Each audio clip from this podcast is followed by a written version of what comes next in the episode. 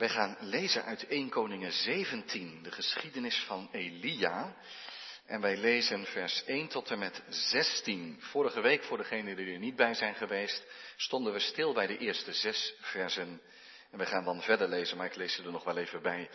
1 Koningen 17, vers 1 tot en met 16.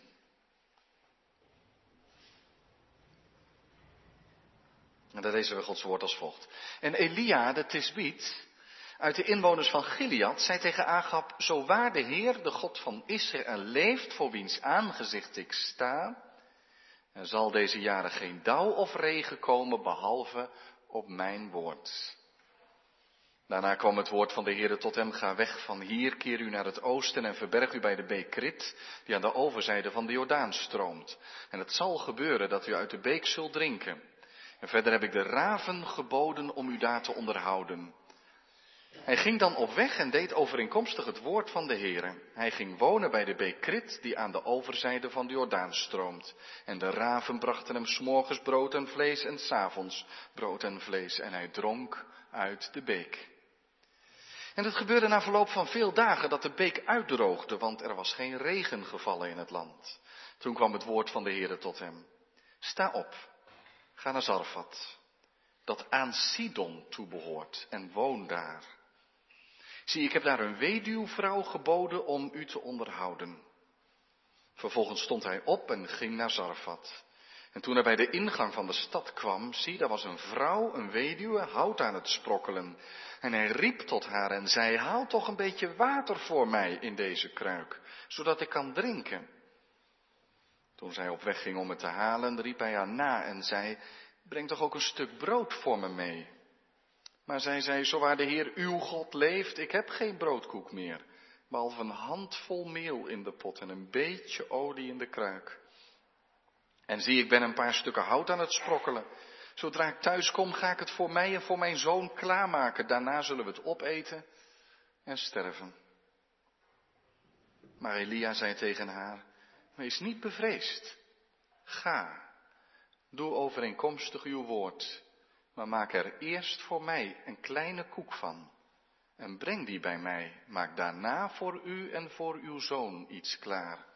Want zo zegt de Heere, de God van Israël, het meel in de pot zal niet opraken en de kruik zal het aan olie niet ontbreken, tot op de dag dat de Heere regen op de aardbodem geven zal. Zij ging en deed overeenkomstig het woord van Elia. Zo at zij en hij en haar gezin vele dagen. Het meel in de pot raakte niet op en in de kruik ontbrak het niet aan olie overeenkomstig het woord van de Heere, dat hij door de dienst van Elia gesproken had. Tot zover lezen we Gods woord voor deze dienst. Zalig zijn zij die het woord van God horen en geloven en daaruit leven. Amen.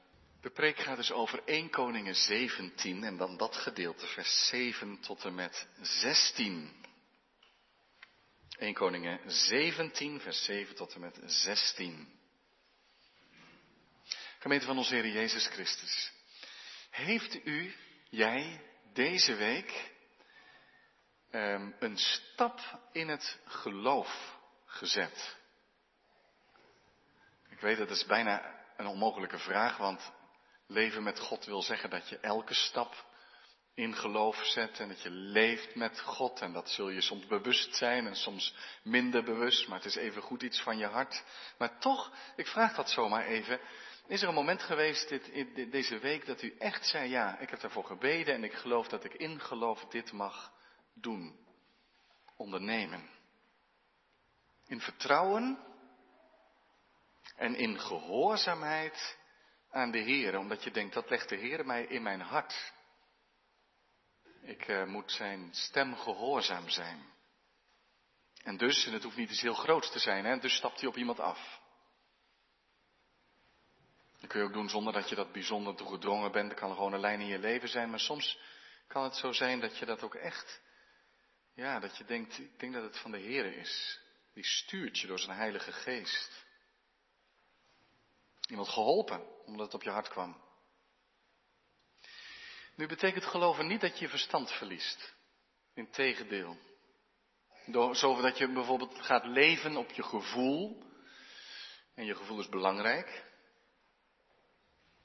Maar het mag wel een beetje samengaan. Verstand, wil, gevoel.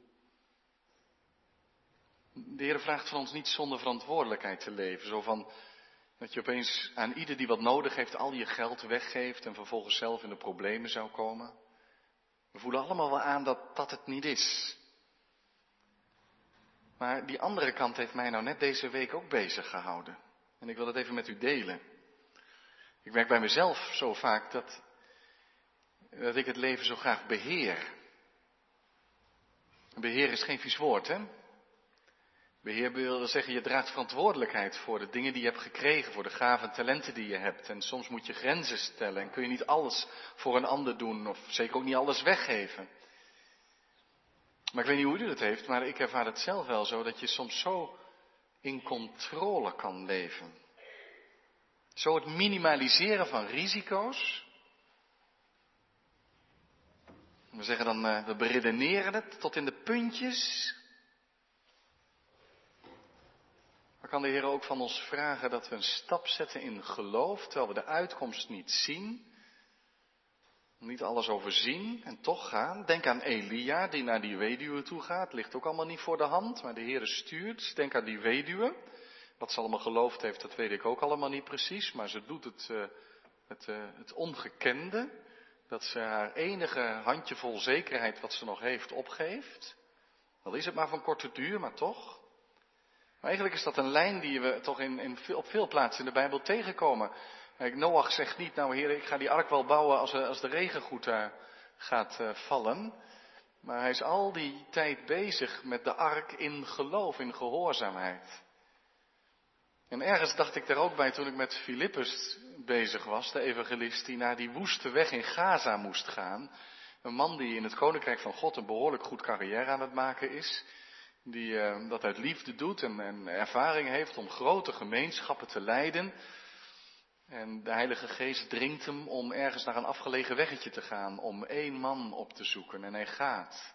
Het zijn allemaal stappen in geloof, in gehoorzaamheid, onder de leiding van de Heilige Geest. En ik heb mijzelf afgevraagd, handel ik ook in geloof? En ik vraag het u ook maar eventjes. Daar, daar komt hier wat vreemde vraag vandaan. Was er een moment in deze week dat u echt vanuit gebed en geloof tot een bepaalde handeling kwam. Ik zeg niet als dat niet zo geweest is dat het fout is, hè, maar om er even over na te denken. Het thema voor deze preek is leven in geloof. In, in geloofsvertrouwen, leven in geloof. En we zien bij het geloof in het gedeelte wat we hier voor ons hebben drie dingen. Allereerst de beproeving van het geloof. De beproeving van het geloof. God test het. God stelt het op de proef. Tweede, de gehoorzaamheid van het geloof. Er is geen geloof zonder gehoorzaamheid.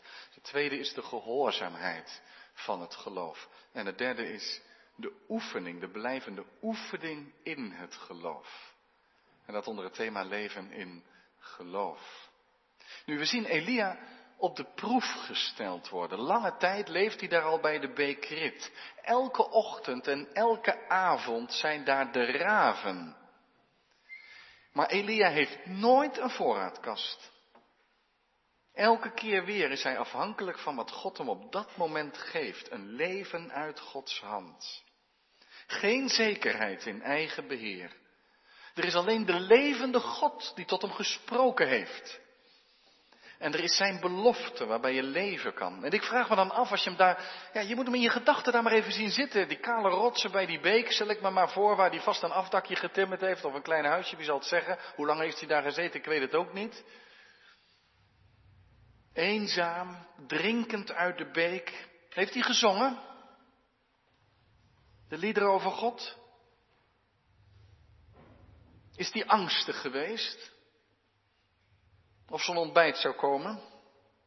Of was hij steeds meer dankbaar en, en was die angst aan het begin, zullen ze wel komen, eigenlijk een, een soort zekerheid geworden? Heren, u heeft het altijd bewezen dat u trouw bent. Zal het wennen zijn geweest? Is hij eraan gewend geraakt?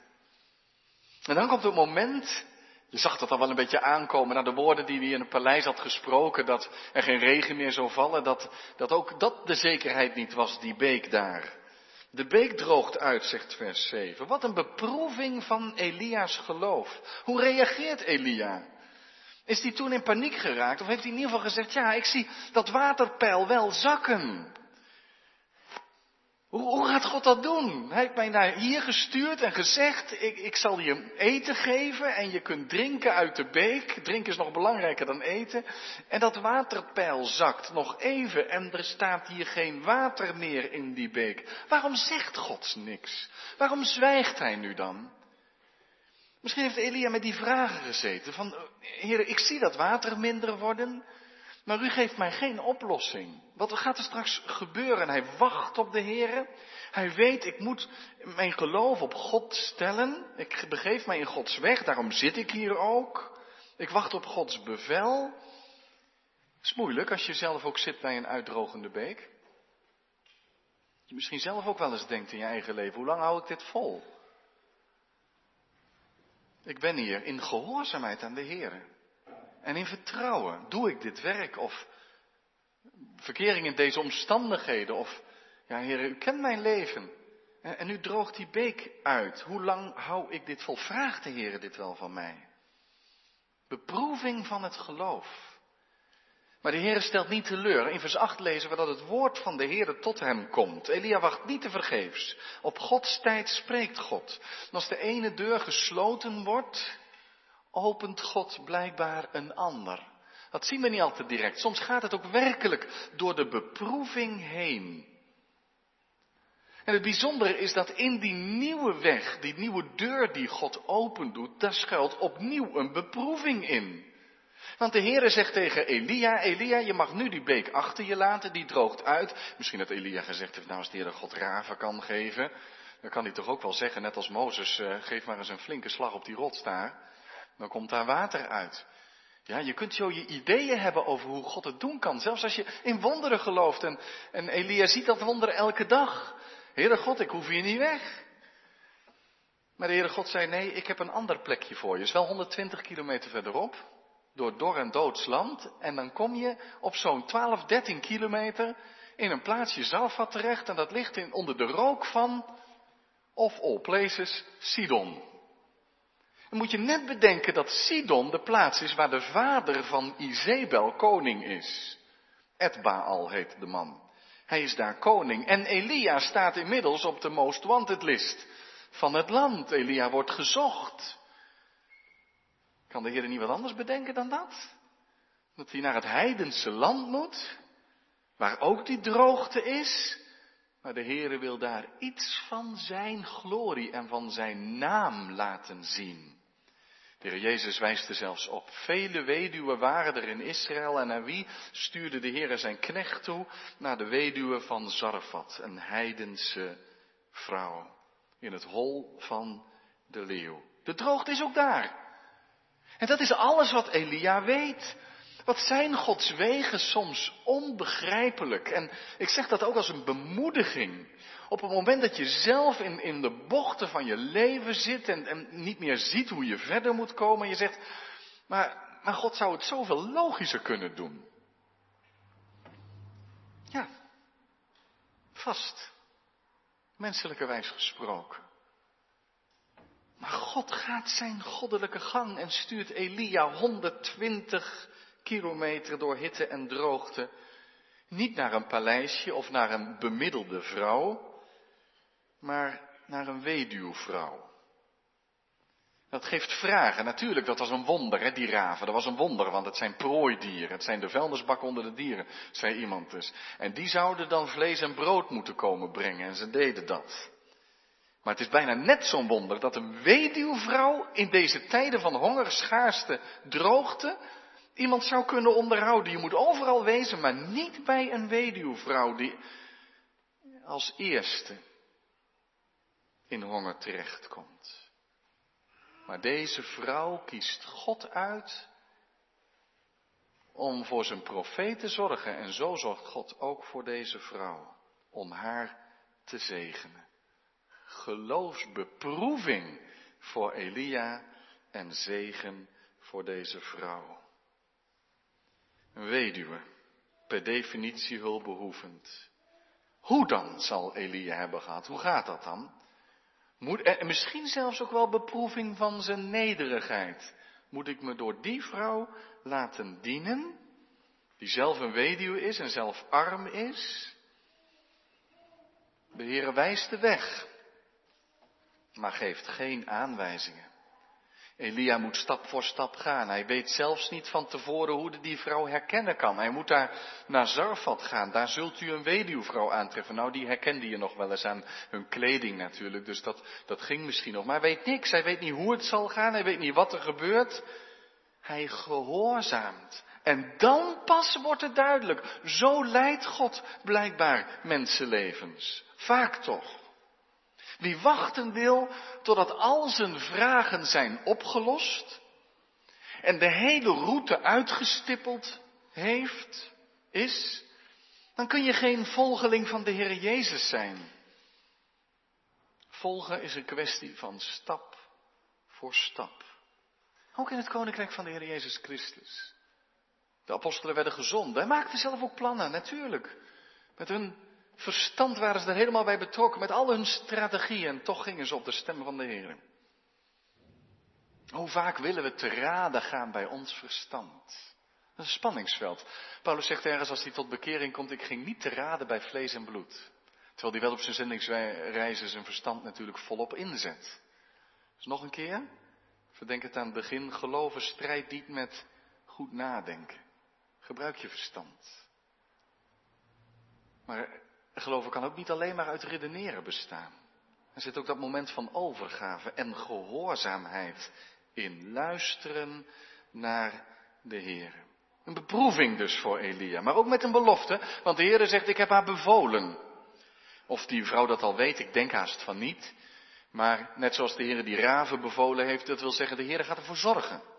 Ik ga ervoor zorgen dat zij in staat zal zijn om jou te helpen. Wij zeggen dan, hoe dan, heren? Kunt u me dat nog even uitleggen voordat ik het water van die beek loslaat? Het is wel weinig, het waterpeil is laag. Maar ik heb hier tenminste nog water. Kan ik met mijn eigen ogen zien. En nu stuurt u me en ik overzie het niet. We willen zo graag weten van tevoren. Paulus zegt in Filippenzen 4, maar mijn God zal u overeenkomstig zijn rijkdom voorzien van alles wat u nodig hebt in heerlijkheid door Christus Jezus. Hoe dan? Hoe dan? Hij zorgt. Ga maar. Wacht niet met gehoorzamen totdat je alles kan overzien. Ga maar in geloof. En dan gaat Elia. Kijk maar naar het begin van vers 10. Vervolgens stond hij op en ging naar Zarfat, zonder protest op het woord van de Heer. Want geloven is niet alleen een innerlijke overtuiging of gedachte hebben. Want als dat het zo zou zijn, dan zou het bij ons allemaal kunnen blijven met, nou ja, zou kunnen. Ik geloof wel dat er iets is. Ja, ik geloof ook wel in God, heb ik meegekregen van vroeger. En het is allemaal kostbaar, hè? Maar Bonhoeffer die zei is, um, in zo'n prachtige boek Navolging, er is alleen wie gehoorzaamt gelooft en wie gelooft gehoorzaamt. Het heeft ook met daden te maken, geloofsdaden. Alleen in de weg van gehoorzaamheid kunnen wij troost, Gods nabijheid en zegen ervaren. En denk ik zelfs als we het heel moeilijk hebben om te geloven. Ik vind het zo moeilijk om te geloven. Dan zegt de Heer, ga in gehoorzaamheid. Geloof. Vertrouw je er toch aan toe. Stel dat Elia was blijven zitten bij die beek. Durf niet, heren. Durf niet goed. U zegt het wel, maar ik heb hier, ja, die raven toch, hè. Houdt u dat nog maar eens een tijdje vol. Misschien had hij dan na een paar dagen gezegd, en waar is God nu in mijn leven? Luisteren. Gehoorzamen naar de stem van God. Naar het evangelie van de Heer Jezus Christus. Naar de leiding van de Heilige Geest. En zo komt hij na een lange reis bij Zarfat. En jij kent die weduwe waarschijnlijk aan haar kleding, rouwkleding, weduwekleding. En hij vraagt naar water. Het lijkt wel een beetje op die geschiedenis van die knecht van Abraham, die op zoek gaat naar een vrouw voor Isaac. Die een soort test doet haast bij die waterput. De vrouw die mijn kamelen ook te drinken geeft, die, uh, die zal ik vragen. Is ze behulpzaam? Wil je alsjeblieft wat water voor me halen? En ze is bereid. Maar dan komt ook de beproeving voor haar. Hij riep tot haar, vers 10. Haal toch een beetje water voor mij in deze kruik, kan ik aan drinken. En dan gaat ze onderweg. En dan roept hij erachterna, breng ook nog een stukje brood voor me mee. En dan blijkt hoe ze aan het sprokkelen was. Hoe ze houtjes aan het zoeken was voor haar laatste vuurtje. Kun je je voorstellen? Hoe bitter dat klinkt. Ze is uh, hout aan het sprokkelen. Haar zoontje zit thuis. Wat moet, ja, wij kunnen ons dat niet voorstellen. Wat weten wij daarvan? Als je kind niet voeden kan. Als de ellende zo groot is dat je zegt, ja, ik doe dit nog. En dan uh, moeten we maar gewoon eerlijk de dood onder ogen zien, dan sterven we. En dat zegt ze ook tegen hem. En dan, oh, wat een wereld aan leed en verdriet komt dan mee. Ze ja, dat kan ik niet doen. Ik heb nog een handje vol in mijn kruik en een klein scheutje olie en dat wordt mijn laatste broodkoekje. En dan zullen mijn zoontje en ik dat eten en dan is er niks meer. Dan wachten we maar totdat we zullen sterven. Je voorstellen? Nee, kunnen we niet. Wat heeft ze tegen de zoontje gezegd toen ze wegging? Mama gaat even naar buiten. Even wat houtjes halen. En dan gaan we nog één keer iets bakken. Heeft ze geloof, deze vrouw? Heeft ze een religie? Heeft ze een overtuiging? Ze zegt, het lijkt wel alsof ze alles kwijt is geraakt in deze bittere ellende.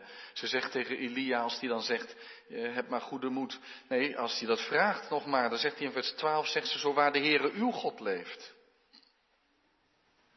Ze heeft zelf geen God meer over. Ze heeft alleen nog haar kruik en haar potje.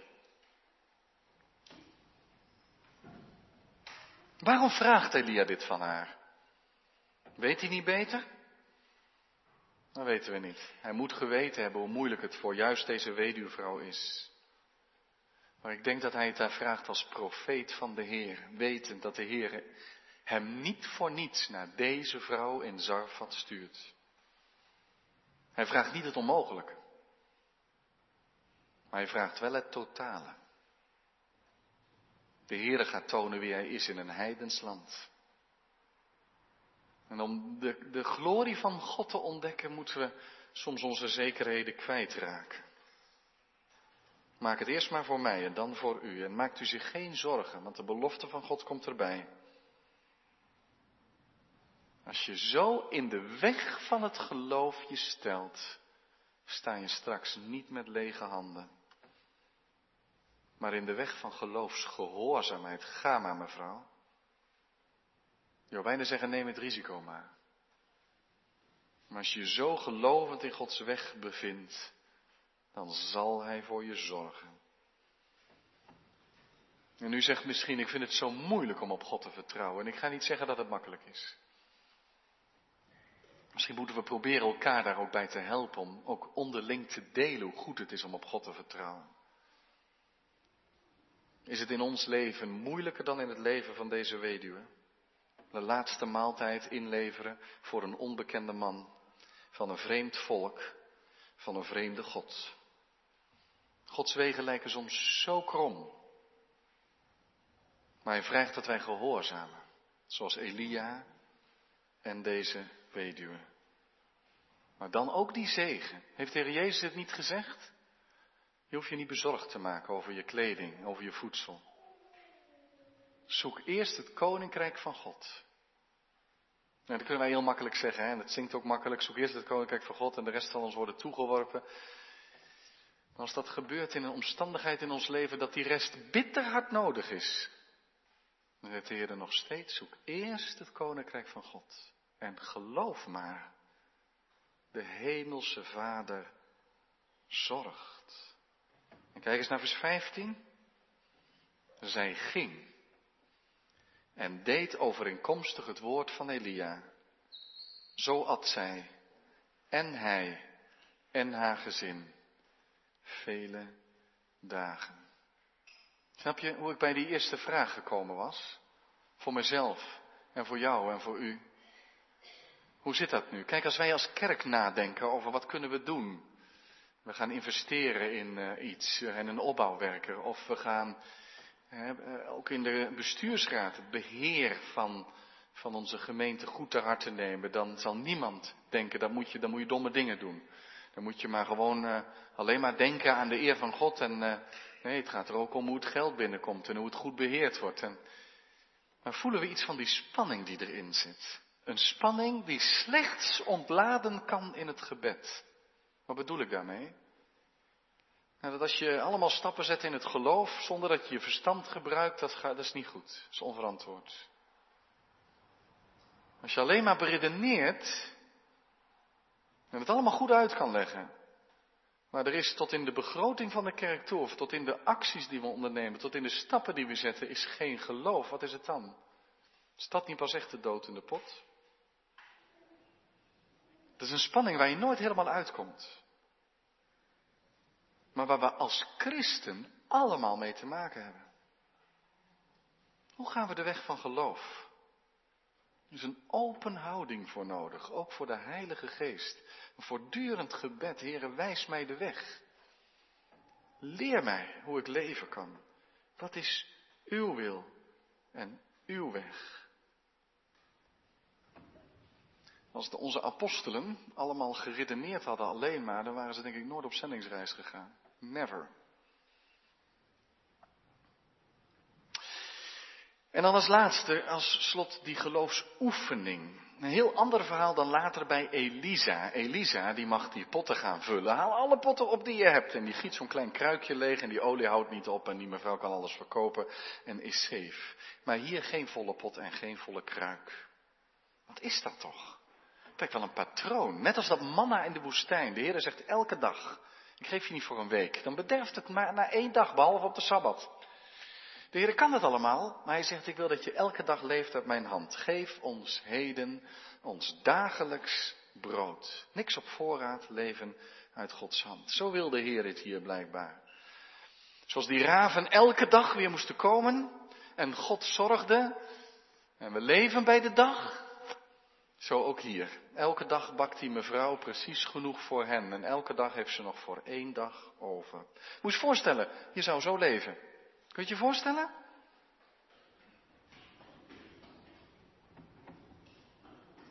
Om iets te leren van zijn grootheid gebruikt de Heer soms beproevingen. Soms overkomt het je. Ook in een opdracht die je van hem krijgt of in de taak die je te vervullen in hebt. Misschien zit je hier naar te luisteren en zeg je, ja, maar dat vind ik wel lastig, want ik heb het gewoon op de bank staan. En ik heb mijn voorraadkast vol. En uh, nou, tel uw zegeningen. U hoeft het niet allemaal weg te gooien, alsjeblieft. Maar wat u weg moet geven, dan moet u maar met de heren bespreken. Maar zorg voor goed beheer. Maar ik heb eigenlijk geen beproevingen. Nu, dat is de zegen, de beproeving van de zegen, om maar zo te zeggen. Laten we dankbaar zijn. Dankbaar voor wat God geeft.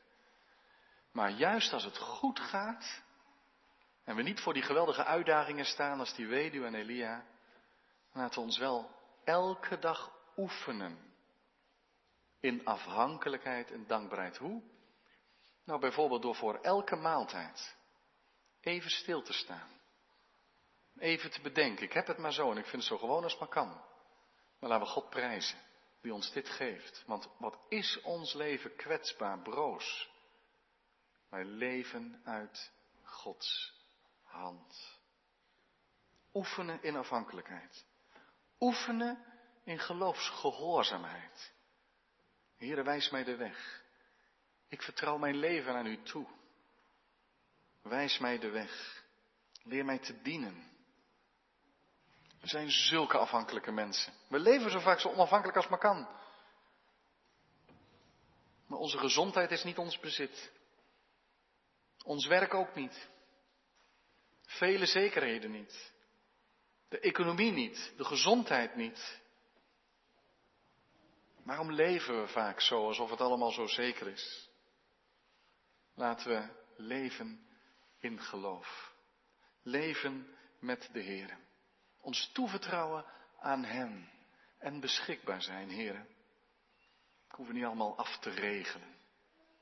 Hier ben ik, Heer, gebruik mij om op iemand af te stappen. om iemand te dienen. Om koninklijk, dat wil zeggen volgens zijn koninkrijk, te leven. Het ontbrak niet aan meel en olie. Laat dat voor ons een enorme bemoediging zijn. Leg je leven maar in Gods hand. Amen.